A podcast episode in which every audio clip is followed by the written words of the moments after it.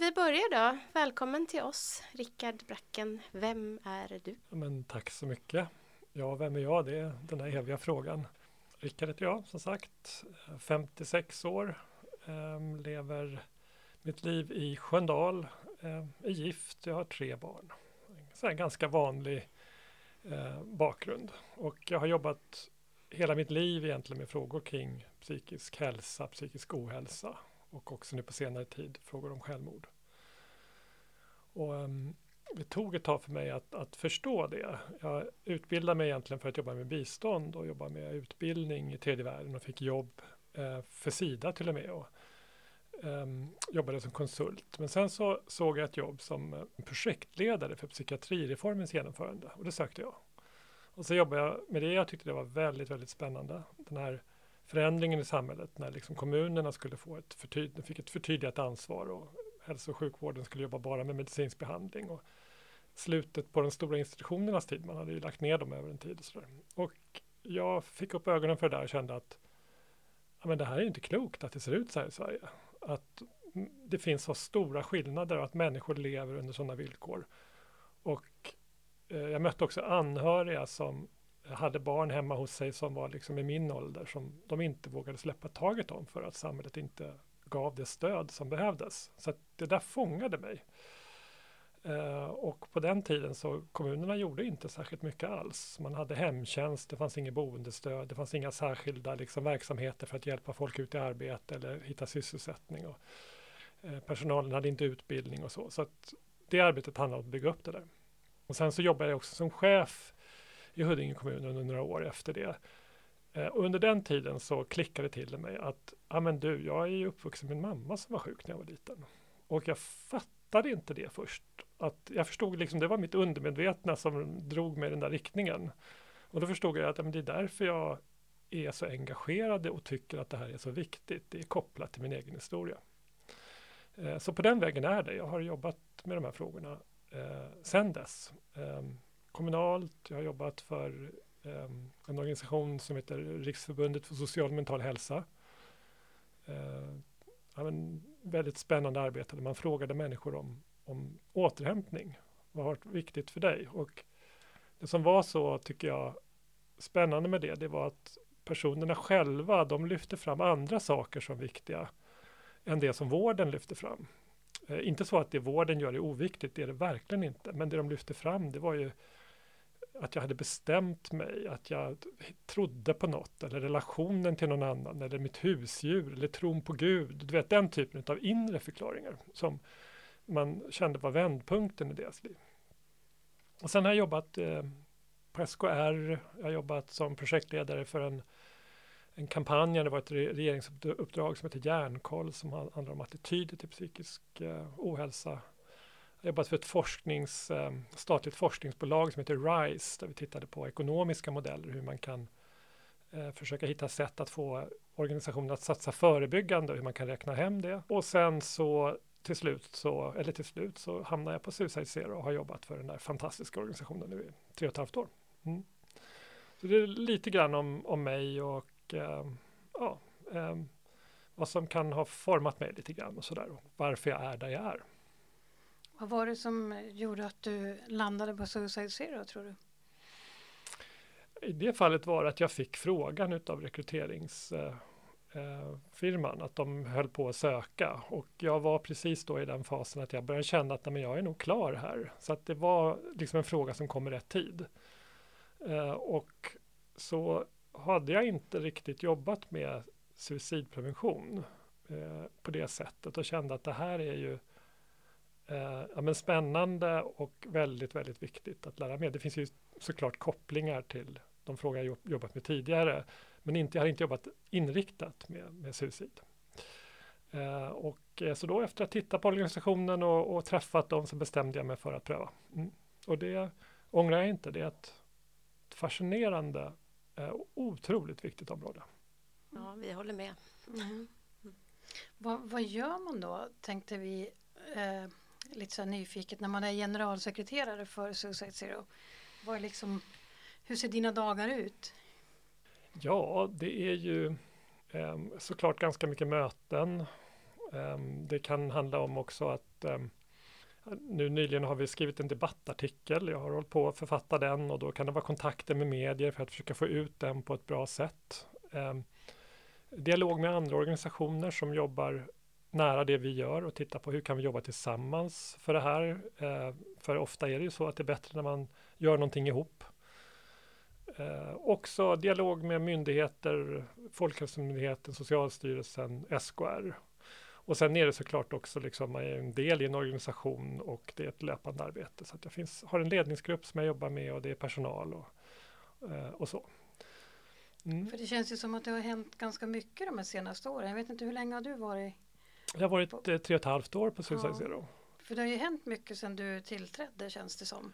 Ja, men vi var nio personer tror jag när vi började, när jag började och nu är vi 25 så att vi har vuxit nästan tredubbelt har vi gjort. Eh, inte riktigt. Eh, och eh, det är ju, vi kommer behöva växa lite till. Eh, och sen är det ju frågan om att vi behöver växa i en takt som är hållbar och att vi ehm, att det blir hållbart för de som arbetar men också ekonomiskt såklart att vi behöver få in intäkter och så. För det finns ju så otroligt mycket att göra. Och hur får ni in intäkter? Ja, men vi får mycket av våra intäkter från enskilda givare, från privatpersoner.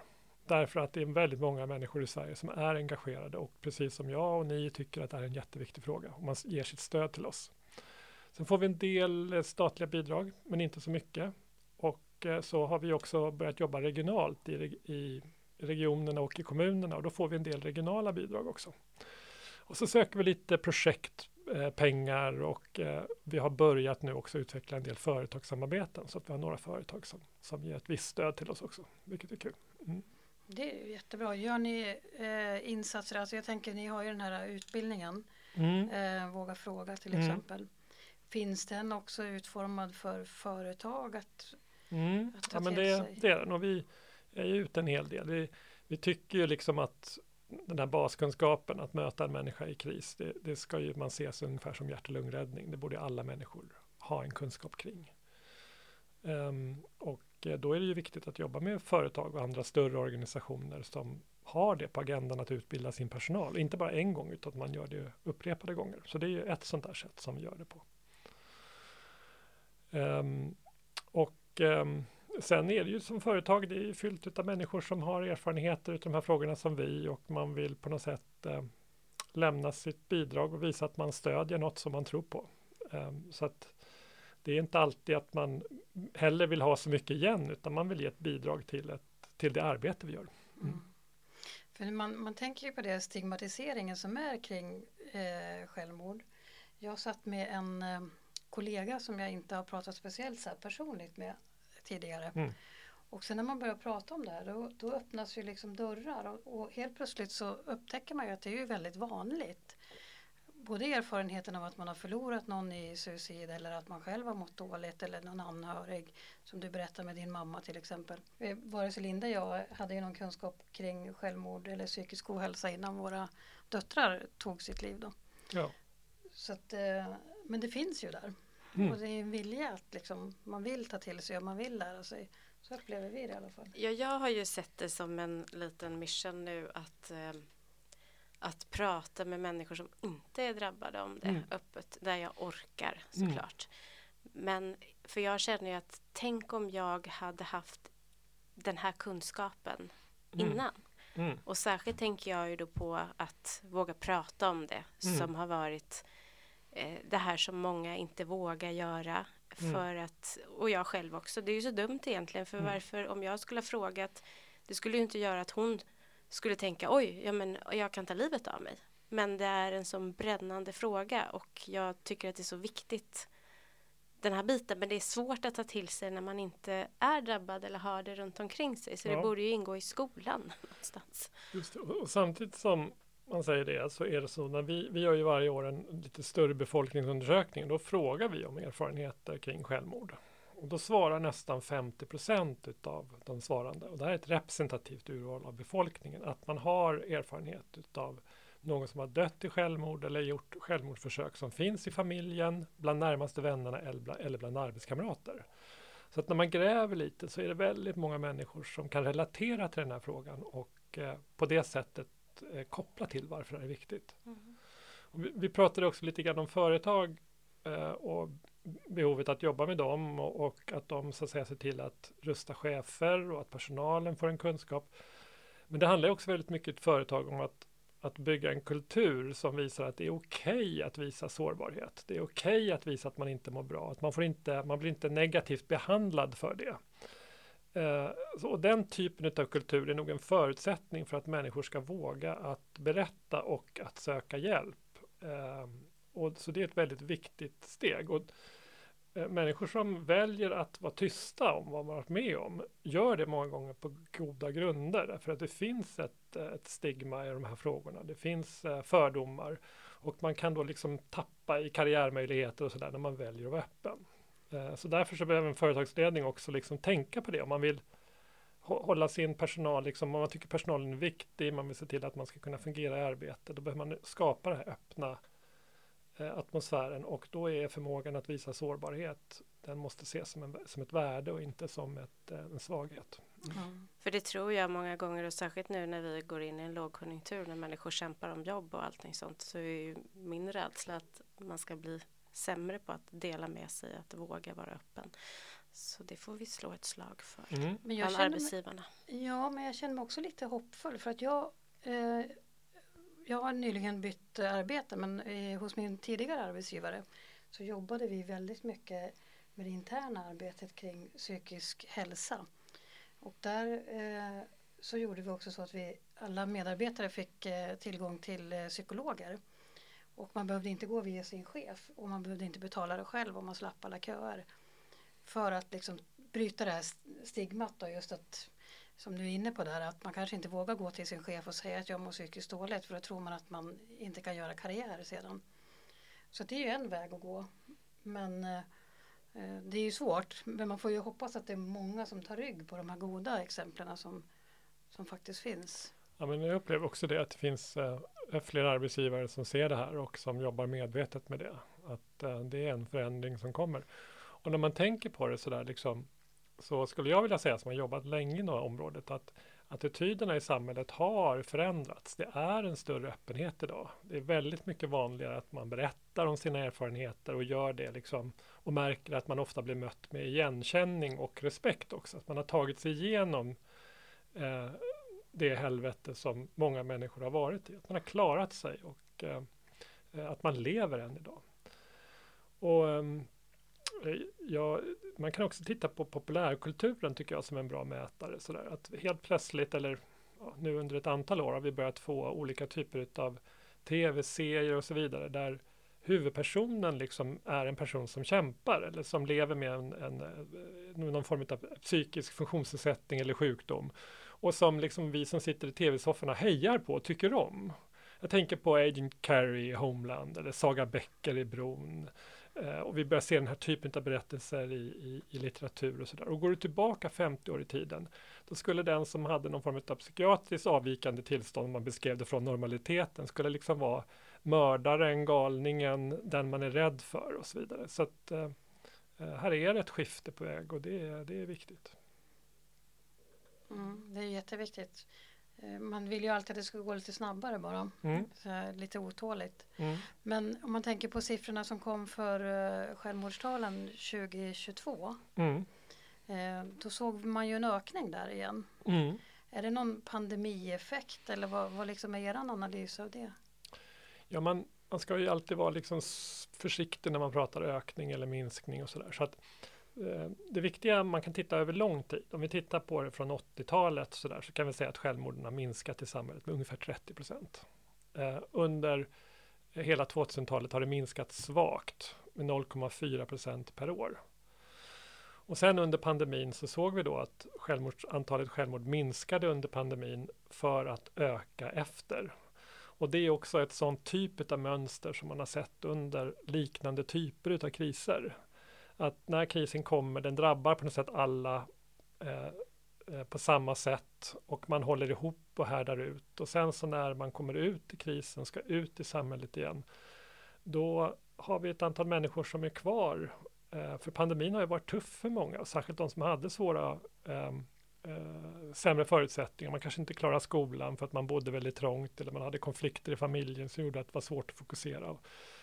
Eh, och då försvinner folk iväg. Allting är normala men inte för alla. Och då får du ökade, ökade klyftor i samhället. Och får vi nu dessutom en lågkonjunktur som ger ökad arbetslöshet och sådär, då kommer det eh, påverka självmordstalen negativt. Och där har man ju pekat på att det är män som, som drabbas hårdare utav det.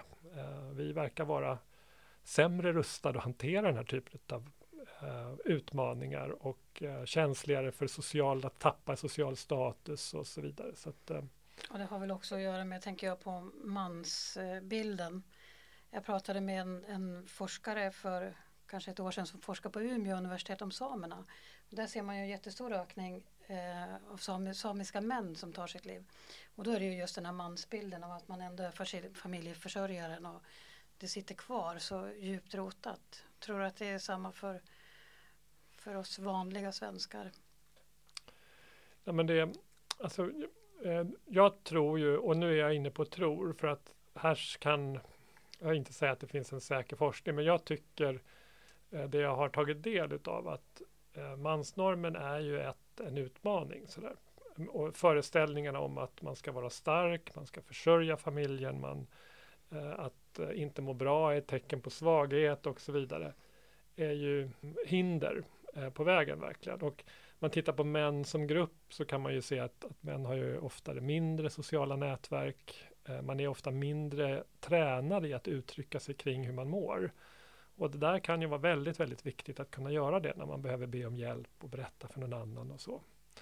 Och, och på det sättet med de här mindre sociala nätverken, nu pratar jag liksom om män generellt, så att det är verkligen, eh, så har man ofta mindre, eh, man blir mer beroende av sin partner. Eh, så när partnern dör Eh, då har man inte riktigt någon man, ska, man kan vända sig till på samma sätt. Och liksom föreställningarna om, om styrka, manlighet och allting det där. Det är liksom åld, åldrande drabbar ju dem och om, får man en sjukdom så kan man inte fungera på samma sätt. och så, så att, eh, Det hotar, eh, skulle jag säga, män som har det här starka, starka mm. liksom, behovet att visa att jag är på ett speciellt sätt och så. Mm. Man tänker ju också att självmorden är ju eh, störst i gruppen män. Eh, men ändå så säger statistiken att det är flest kvinnor som försöker begå självmord. Mm. Och då har man ju tidigare pratat om det här med att män ofta använder mera våldsamma sätt eh, att ta sitt liv på. Mm. Men nu när man har minimerat det med vapen och man bygger mm. stängsel för broar och sådär så har man ju ändå justerat det på något sätt. Vad, vad, tror du ligger bakom det? För det tycker jag är så konstigt att att den är så liksom motsägelsefull, mm. statistiken mm. där. Ja, ja men det, det är ju det och det är ju eh, inte bara män och kvinnor, det är också över åldrar. Så att eh, äldre män är nog den grupp som genomför minst eh, självmordsförsök, men man har högsta självmordstalet. Och unga genomför betydligt fler självmordsförsök än äldre, men man dör ju inte lika stor utsträckning utav självmord. Så, där. så att det är ju ett antal sådana saker. Men det är såklart att ett självmordsförsök är ju som vi vet en väldigt viktig och allvarlig eh, signal om att eh, här måste vi liksom ge eh, stöd och det är någonting som det är liksom en, en allvarlig signal som man behöver agera på.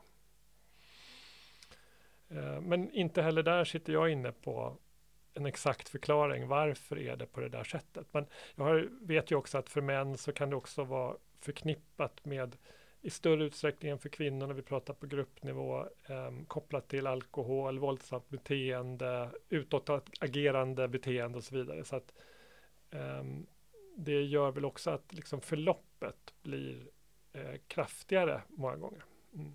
Mm. När det gäller flickor och kvinnor, har antalet självmord ökat där eller hur ser det ut där? Ja, um, alltså för båda grupperna så har ju självmord minskat generellt sett eh, över tid. Men eh, för kvinnor, för yngre kvinnor så har vi under en tid sett en svag ökning. Um, och eh, det tror jag har att göra med liksom, ehm, alla de krav som finns på en. Man ska klara familjen, man ska klara liksom eh, sköta hemmet, eh, man ska eh, se perfekt ut. Det, allt det där och så, så jämför man sig, det gör väl vi alla liksom i sociala medier, man känner att man inte tillhör gruppen och så vidare. Så de här idealen som inte är förenliga kan säkert ha en sån typ av påverkan. Och, men den grupp som jag tycker sticker ut tydligt, det är ju gruppen utav unga. Och Folkhälsomyndigheten har visat i sina analyser att för de som är mellan 20 till 29 år, där går utvecklingen tvärs emot eh, som det ser ut i samhället. Det har ökat med 1,8 procent per år sedan eh, 2000-talen. Då. Eh, och det är ju en väldigt, väldigt oroande utveckling eh, som vi som samhälle verkligen behöver göra någonting åt. Och frågan är vad är lösningen då för det? Mm. Och, då, och då så är det ju inte bara liksom mer vård. Vården är inte tillräckligt bra idag tycker jag. Den är inte tillräckligt tillgänglig. Våra medlemmar hör av sig. Men det är också väldigt mycket annat som behöver komma till. Så det är en bred, en bred palett av insatser som ska till. Allt från liksom hur skolan fungerar och hur vi jobbar tidigt förebyggande i förskola eh, på det sättet. Att det finns möjligheter för unga att komma ut i arbete och för de som inte liksom är, tycker om att läsa och studera teoretiskt så behöver man möjlighet till praktik och komma in till arbete på den vägen. Och sen har vi också liksom skillnader mellan stad och land så att vi ser också att självmordstalen är högre eh, i, på landsbygd än i storstäderna. Och skillnaden mellan män och kvinnor är större på landsbygd än i storstäderna. Så det är fler män på landsbygden som ja, tar sig liv? Mm. Ja. Okay. Kopplat också kanske till um, um, att tillgång till vapen, jaktkultur och den här typen av saker. Men eh, min, min personliga åsikt är att det här är också del av en, liksom en strukturomvandling som pågår i, i, i hela västvärlden. Ehm, eh, och eh, med eh, stöd, alltså affärer, arbetstillfällen, sånt har ju flyttat liksom från landsbygden in till städerna och den ekonomiska tillväxten har det. Så det handlar om framtidshopp och framtidstro och den typen av frågor också. Mm, och arbetslöshet som du var inne på, den är väl större också, mer utbredd såklart på landsbygden. Stämmer. Men jag tänker så här, Linda var inne på det förut med att man bör börja redan i skolan. Du sa också det nu, förskola och skola, att man måste tänka där. Hur, du träffar ju mycket politiker och pratar med dem och så. Hur, hur, hur tänker de och hur känner de att de har något ansvar här att agera på något sätt? Ja, men jag, jag, tycker, jag träffar många politiker i kommunerna och jag tycker att det här är en fråga som man har eh, är medveten om i ganska stor utsträckning. Sen är det såklart att man behöver kunskap, men jag tycker att jag möter en vilja att vilja göra någonting. Och det är oerhört lätt att prata raljerande om politiker. Så här, kommunalpolitiker förstår ingenting och, och sådär. Men de har ju oerhört svåra villkor så att säga. Att det handlar ju också om att försöka se hur ska vi använda de här resurserna på bästa möjliga sätt. Och många gånger så i en mindre kommun så går inte det man behöver göra ihop riktigt med de medel man har. Så att man tvingas prioritera mellan äldreomsorg och skola och Eh, starka föräldragrupper som vill att man ska bygga en ny fotbollsplan eller vad det kan vara och så vidare. Så att man står ju mitt i det där. Eh, men det jag möter är en vilja och en nyfikenhet att liksom, och en insikt att kommunerna behöver också tänka förebyggande. Eh, och då pratar vi ofta mycket om skolan och betydelsen av att man ser till att lyfta in den här typen av frågor i skolan tidigt. Och vi, det vi vet idag, och det vi som organisation lyfter fram, det är ju att också, jag tycker man ska göra insatser som eh, är bra för alla barn, men som kan vara liksom verkligen livsavgörande för några. Men man behöver inte välja ut och jobba bara med, med de barnen som har man tror har störst problem, utan man kan jobba brett i en klass. Och då är det den här typen av saker som handlar om att eh, stödja i att uttrycka sig kring hur man mår och vad man känner. Att den där färdigheten vet vi är väldigt skyddande. Att hitta strategier för hur man hanterar motgångar och svårigheter i livet, en slags coping-strategi.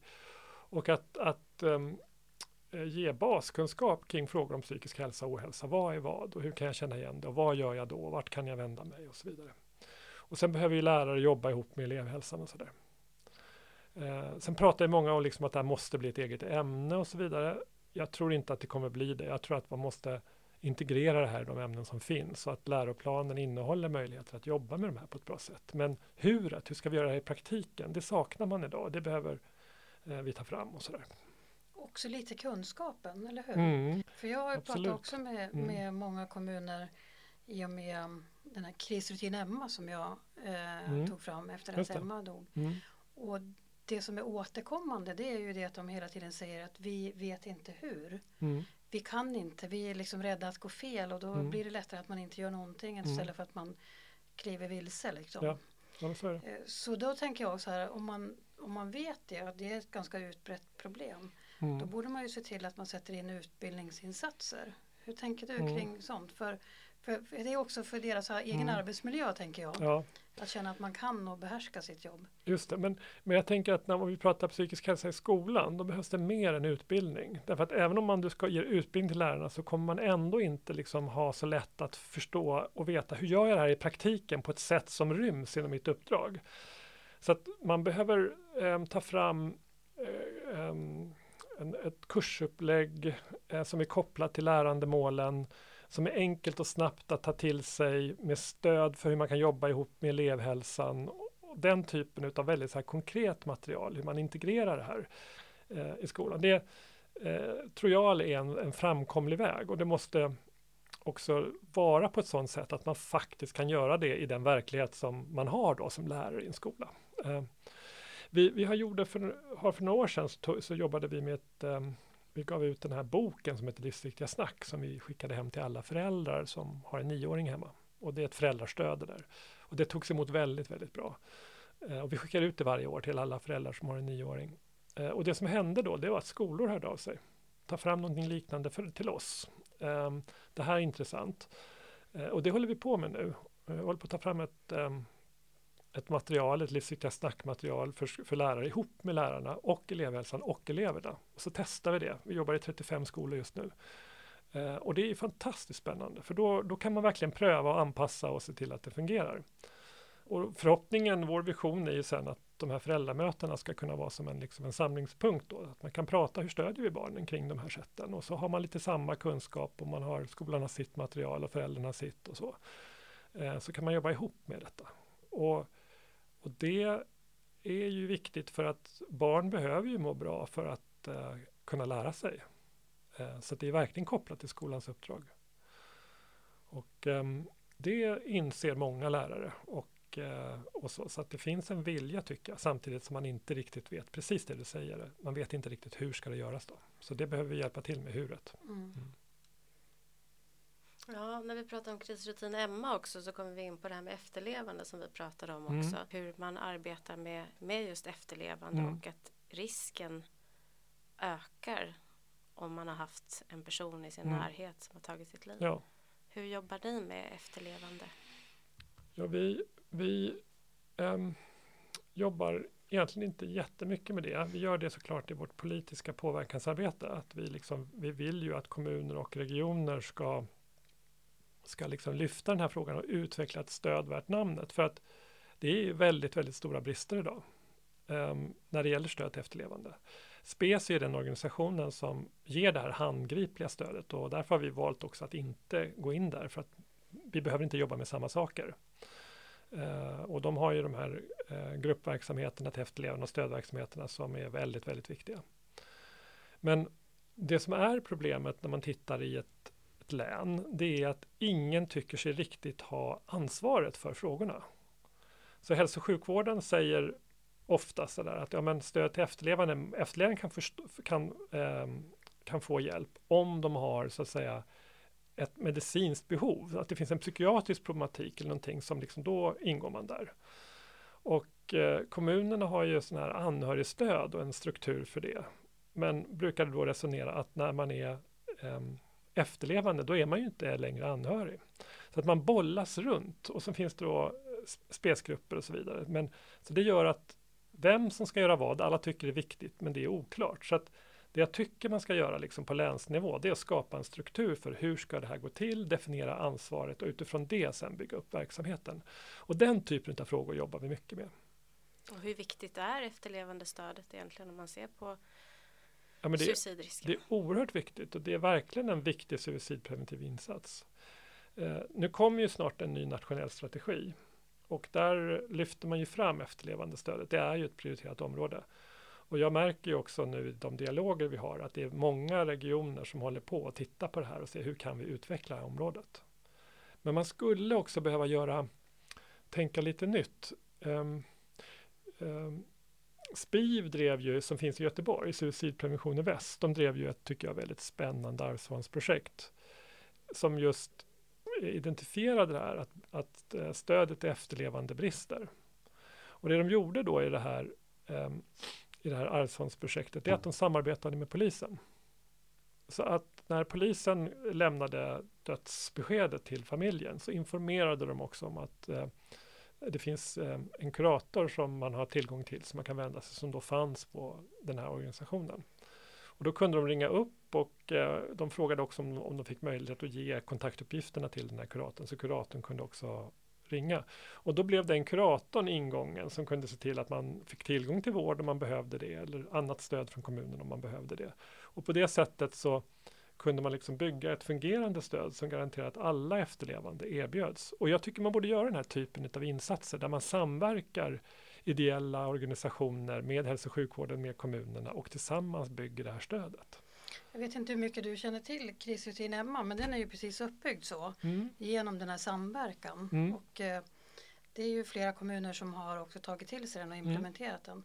Och där ser man ju också när den tyvärr då så blev den aktiverad eh, ganska snart efter att en kommun hade implementerat den. Mm. Och då ser man också de här olika kedjorna för ofta är det ju länkningen emellan eh, familjen, mm. vården, skolan, socialtjänsten mm. om det finns minderåriga barn till exempel ja. eh, som saknas. Mm.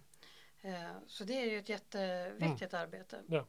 Och jag, jag, håller med dig om att man man vill mycket och man tänker att det här behöver vi ha. Mm. Men det känns väldigt långt till att det verkligen ska ja. hända och att det ska genomföras. Ja. Ja. Och jag blev lite glad för jag var ju med och lyssnade där eh, på den här seminariet där mm. du bland annat deltog. Mm. Eh, jag tyckte själv att de hastade förbi ganska snabbt det här efterlevande stödet. Mm.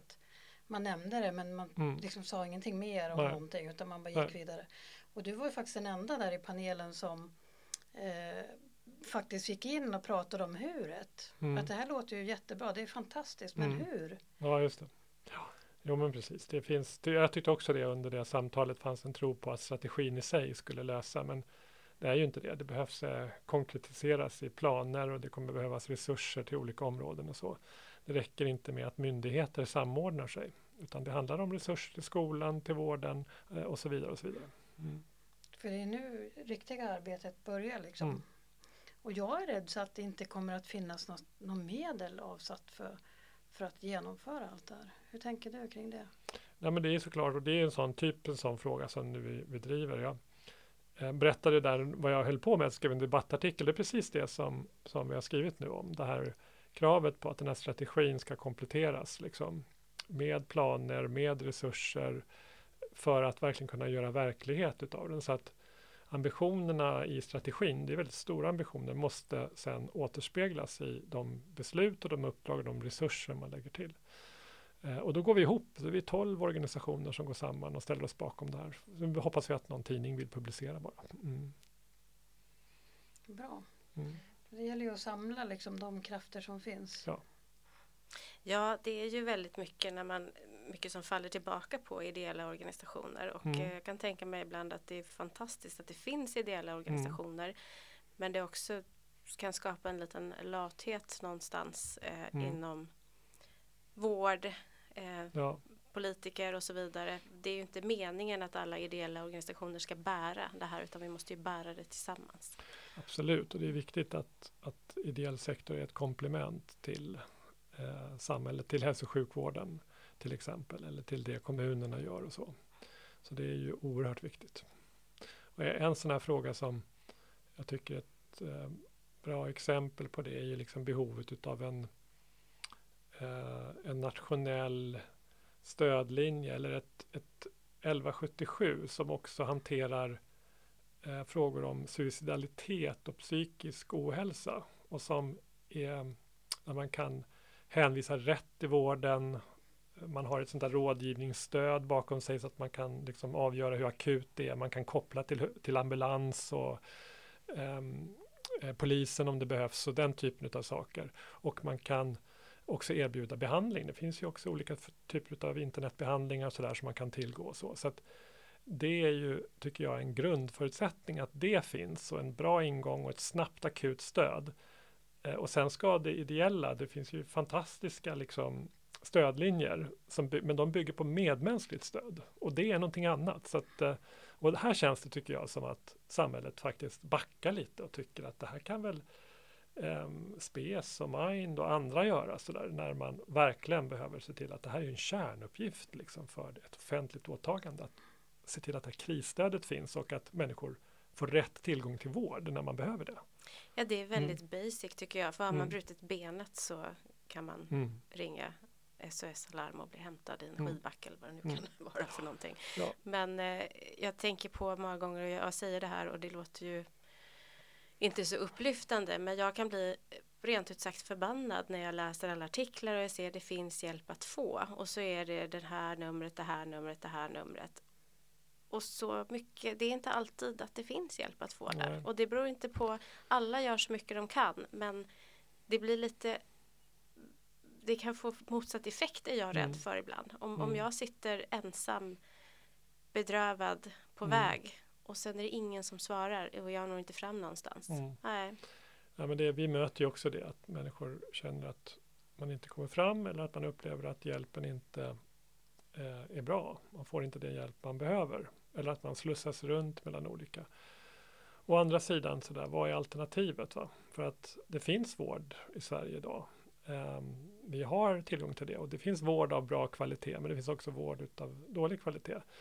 Men vi kan inte heller liksom gå ut med någonting att man inte ska söka hjälp och sådär för det är liksom det är avgörande, det är viktigt. Uh, men sen har ju verkligen samhället en absolut skyldighet att se till att den vård som ges håller den här kvaliteten och är tillgänglig för människor som behöver den. Ja, men det, det är klart, uh, självklart mm. att det ska finnas men det är just det där nationella nödnumret som vi pratar om som, som kanske inte är alla ideella organisationer hela tiden att det finns ett. Ja, jag, jag tycker det är konstigt när man ringer 1177 att om jag befinner mig att om jag är orolig för mitt barn som liksom har eh, sus, sus, eh, självmordstankar och, eh, eller som har Eh, man tycker det är ett, eh, ett akut psykiatriskt tillstånd, att man då liksom inte kan prata om det för rådgivning och vart ska jag göra, ska jag vända mig akut eller ambulans och sådär, utan då får man ringa 112 direkt i så fall. Um, men man borde kunna hitta ett sätt att ta hand om det där bättre och kanske i tidigare skede. Mm. Visst finns det en sån utarbetad modell i, i USA? Va? Där har de väl ett sånt nationellt Jag tyckte vi pratade om det vid något möte vi hade jag eh, känner igen det också. Eller var det en utopi att de var på väg att skaffa det? Jag kommer inte ihåg. Mm. Nej, jag tror att det fanns. Att man skulle göra någon, någon uh, studieresa faktiskt för att se mm. hur det fungerade också. Ja, jag, eh, det känner jag inte till. Det, alltså USA har ju verkligen problem när det gäller suicid. Eh, antalet självmord och sådär. Och om en vård som är oerhört splittrad och fragmentiserad. Liksom. För vissa jättebra men för andra nästan ingenting alls. Eh, och med skjutvapen i omlopp och sådär mm. som är, det är en fruktansvärd utveckling faktiskt. Mm. Men jag läste i, bara häromdagen en undersökning som var faktiskt ifrån, jag kommer inte ihåg exakt vilken stad det var i USA. Mm. Men där man hade två broar som bara låg eh, en kilometer knappt ifrån varandra. Och så satte man upp räcken på den ena bron men inte på den andra. För man hade jättemycket självmord ifrån eh, den ena bron där man hoppade. Och då såg man att självmordstalen minskade på båda broarna. Så inte bara på den bron där man hade räcken. Och då menade den här undersökningen att det var därför att det ofta är en impulshandling. Så att när man inte då kunde hoppa från den här bron så då skulle man gå en kilometer till nästa bro och då hann man på något vis sansa sig eller det hände någonting eller man började tänka på andra saker och så avbröts det här. Så det är mycket tycker jag forskning som är därifrån som vi borde liksom ta till oss lite mera. Det, det, det, där finns det ju ett starkt stöd för att, att den här typen av hinder och, och så är skyddande och livräddande. Eh, det är ett av de områden där verkligen forskningen man kan säga att här, det här ger en verklig effekt. Tydligt, stark evidens för det. Mm. Och det är precis det som, som du beskriver då, liksom att inte alla men många självmord är ju impulsdrivna och en reaktion på en smärta som gör att man inte, man står inte ut liksom. Så agerar man i stunden. Eh, så det där räcket kan ju verkligen vara livräddande och det kan ju också vara en annan mä människa. Mm. Eh, det kan vara en mamma, en bror, en syster eller en vän som är där och håller om liksom, och hjälper personen att ta sig igenom.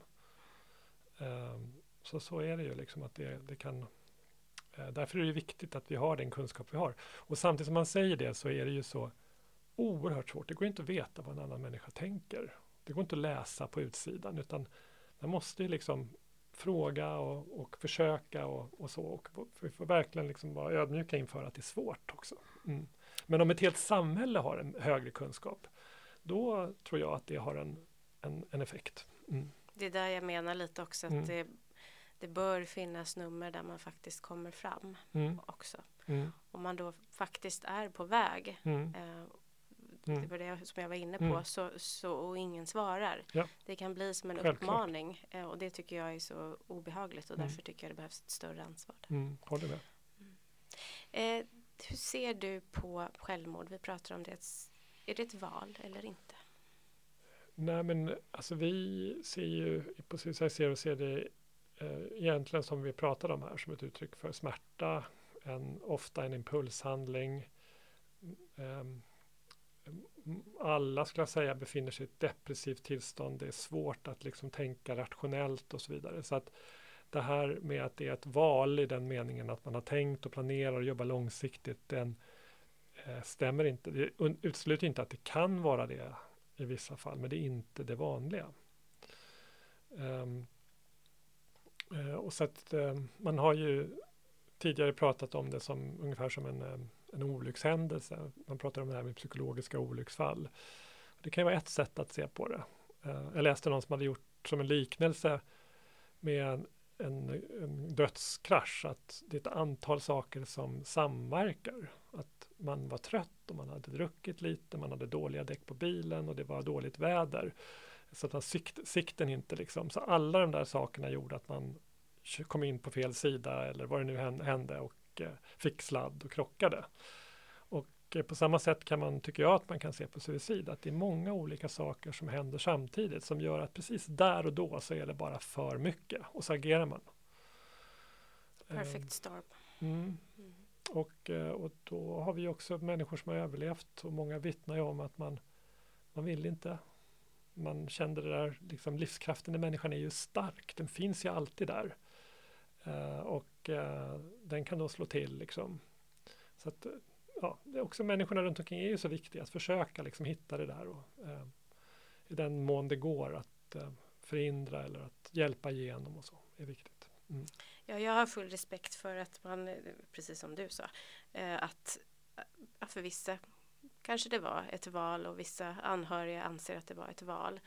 Men jag uttryckte mig ju slarvigt efter min dotters suicid. Eh, jag vet att det är så konstiga saker man går igenom. Min mamma mm. frågar vad ska jag säga? Ja, men säg att hon valde. Alltså, mm. och, och sen började jag tänka, det är klart hon inte valde. Nej. Hon ville ju inte lämna oss. Det Nej. var ju inte ett val. Nej.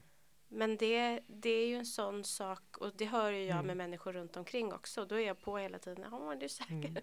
För mm. att få upp tankarna kring det lite. Mm. För att det, det, jag tror att det är många som säger det av slentrian. Mm. Att ja, valde Och när man är i det depressiva tillståndet så är det många som upplever att om jag gör det för familjens skull, det är bättre att jag inte finns och du vet den typen av tankar som man då tänker är sanna. Och, och det är ju liksom så långt ifrån det kan vara. Liksom, att det är en älskad människa som man till varje pris vill ska finnas kvar. Uh, så att uh, medvetandet är ju liksom förmörkat. Mm. Och, uh, nej, men jag tycker också att det, det, är många gånger väldigt svårt att prata om, om val. Mm. Och jag, jag, tycker att man ska tänka också flytta lite fokus från individen till samhället och titta på vad, vad är det för någonting här och, som hade kunnat hjälpa att förhindra det här? Vad, eh, hur kan vi tänka? För att människor är inte perfekta. Vi gör saker som är fel. Vi agerar i affekt och allting sånt där. Och då handlar det om att på bästa sätt försöka hitta skydd som gör att vi kan vara perfekta och ändå överleva. Mm.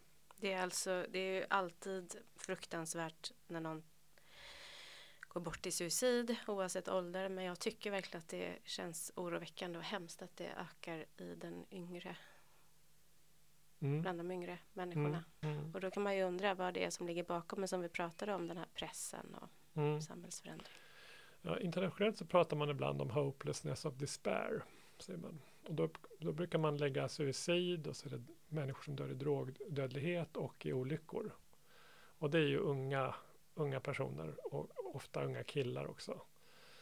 Eh, och jag tycker att det är också en viktig sak för det handlar ju på något sätt om att man känner hopplöshet. Det finns ingen mening, kommer inte ut i arbete, kommer inte ha möjlighet att göra det jag vill och så vidare. Så det är verkligen det här samhällsbygget som vi bygger tillsammans och hur oerhört viktigt det är. Eh, så att sådana typer av saker tycker jag, liksom, om man kan göra insatser för att ungdomar verkligen ska kunna klara skolan och gå ut med godkända betyg. Och om man kan hitta bra praktikprogram så att ungar som inte tycker om att läsa och har svårt för det ändå kan komma ut i arbete via praktik och lära sig liksom med händerna och sådär. Den typen utav system tror jag är oerhört viktiga och, och också väldigt och skyddande och potentiellt skulle bidra till att minska självmorden för den här gruppen. Så att man Mm. får någonting att tro på, liksom, att det går för mig och jag finns här i ett sammanhang och jag lyckas och kan använda de, de resurser jag har som, och se liksom allt man kan. Inte bara fokus på det som man inte kan och sådär. Nej, och att man är Mm. inkluderad. Ja. Mm. Mm. Men det är ju ganska konkreta och hand- handfast egentligen som Ja. du pratar om. Mm. Det, det som jag också vill flika in, jag kanske kommer göra det varje gång, men det är ju de här skyddsfaktorerna som man Mm. pratar om också som jag tycker är lite obehagliga. Mm. Eh, jag hade ju en dotter som, som sökte via företagshälsovården till exempel. Vi tar ju det som exempel, vi är väldigt Mm. personliga i podden. Mm. Och då är hon ju kvinna och hjälpsökande, vilket Mm. ju ses som skyddsfaktorer. Och då blir ju de skyddsfaktorerna lite riskfaktorer. Mm. Så där undrar jag lite hur, det är ju upp till sjukvården, men just bedömningen att kunna se människor individuellt och inte bara ut efter en form. Du är kvinna, du söker hjälp, ja då är nog inte risken så stor. Jo, det är därför jag söker hjälp. Mm. Absolut, verkligen. Och det går ju inte, man möter ju en person så då kan man inte liksom titta generellt bara på, på gruppnivå. Mm. Men jag kan känna att det finns också en brist inom, för att ehm, Region Stockholm har ju gjort ett utbildningsprogram för, för läkare och vårdpersonal som heter Step Up som man faktiskt kan gå in Mm. och söka bara på nätet. Mm. Eh, och jag fick möjlighet att delta där från ett icke-kliniskt perspektiv bara för att man ville ha in den här bilden anhörigperspektivet och eh, när, när jag träffar en suicidnära person, hur ska jag bete mig då? Och även där då, så kan man ju ändå tänka att på läkarlinjen då som är sex år plus AT-praktik och sådär så borde man få med sig mycket mer kring det här. Mm. Men det får de ju inte, det är ju en väldigt, väldigt liten del som handlar Ja. om, om psykisk ohälsa och självmord och Mm. efterlevande stöd. Och, Mm. Så att det finns ett stort svart hål känns det som. Mm. I liksom så många stora delar i samhället. Det är, det är Mm. skolan, det är socialtjänsten, det är vården. Ja. Det är liksom Mm. så utbrett. Ja. Då kan man ju undra varför är det så? Mm. Är det för att det så, har varit och är fortfarande ett stort stigma kring, kring självmord? Eller? Förut var det ju till och med olagligt. Mm. Jo, men det kan jag tänka mig att det är liksom. Och sen är det ju också att det är.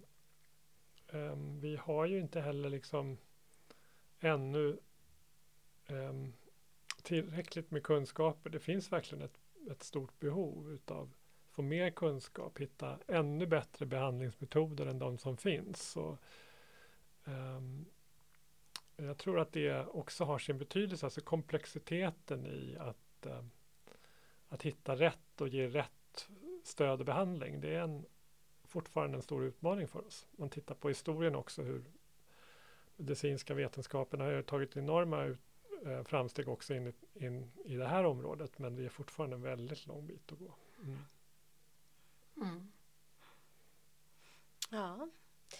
Jag tänkte på, vi pratade ju om, om eh, Våga fråga lite Mm. grann. Men kan inte du berätta lite var man kan ta del av den så att alla vet? Mm. Nej, men, eh, Våga fråga är ju en utbildning och när vi gör den digitalt så är den en, en timme och där får man en baskunskap kring vad, ja, men vad hur kan jag känna igen tecken hur kan jag, om jag är orolig, hur kan jag prata med någon? Och vart vänder jag mig eh, om jag vill lotsa någon vidare eller själv ska söka hjälp? Hur gör jag då? Man får det. Och man får lite sådär ingångar kring vad man kan liksom vara uppmärksam på.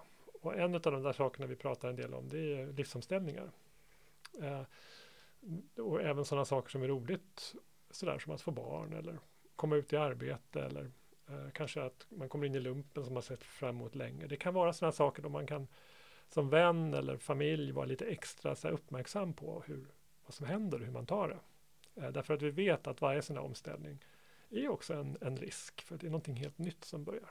Mm. Eller man går i pension eller du vet den typen av saker. Så det tycker jag är en sån här konkret sak som alla borde liksom lägga på minnet och eh, i sin omgivning höra sig för. Det är inte ett samtal om självmord i ett första steg utan om hur man har det, vad som händer, att lyssna på ett bra sätt och försöka liksom eh, få till det där samtalet.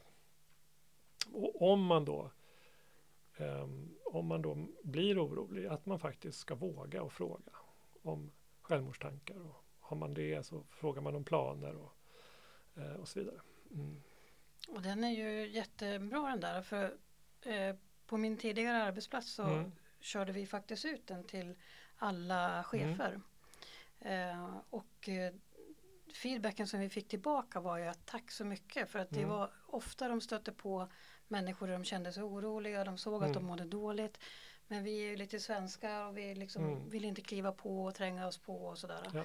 Men här kände man då att ja, men nu hade någon talat om, i ja. det här fallet Suicide Zero, talat mm. om för oss att det var okej okay att ställa de här mm. frågorna. Det var nästan livsviktigt att jag ställde de här frågorna. Absolut. Ja, det, så att, vi gör en del öppna föreläsningar så att om man är privatperson så kan man ju bara gå in på vår hemsida och titta när det är nästa öppna föreläsning och då kostar det ingenting. Och är man en, om man är på ett större företag eller en kommun då kan man, har vi också en e-utbildning som man kan koppla in i sitt egen, sin egen lärandeplattform. Då kan man utbilda kontinuerligt. Eh, eller så kan man boka en föreläsare och betala för det och så ger man också ett stöd till oss som organisation. Då. Så det finns många olika vägar att, att gå. Och sen har vi tagit fram en eh, miniutbildning som heter Våga fråga Pocket som tar ungefär 20 minuter som finns bara digitalt och man kan eh, lyssna på den uh, och läsa och så allt via telefonen. så den tycker jag man direkt kan bara gå in på och kika Våga fråga Pocket. Det är www.vågafrågapocket.se. Det har, jag har en avslutande fråga faktiskt som jag skulle kunna ställa.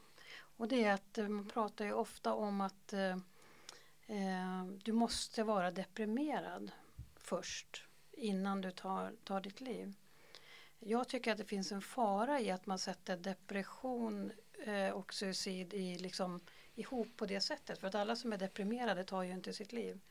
Och det kan ju bli lite eh, skadligt tycker jag. jag.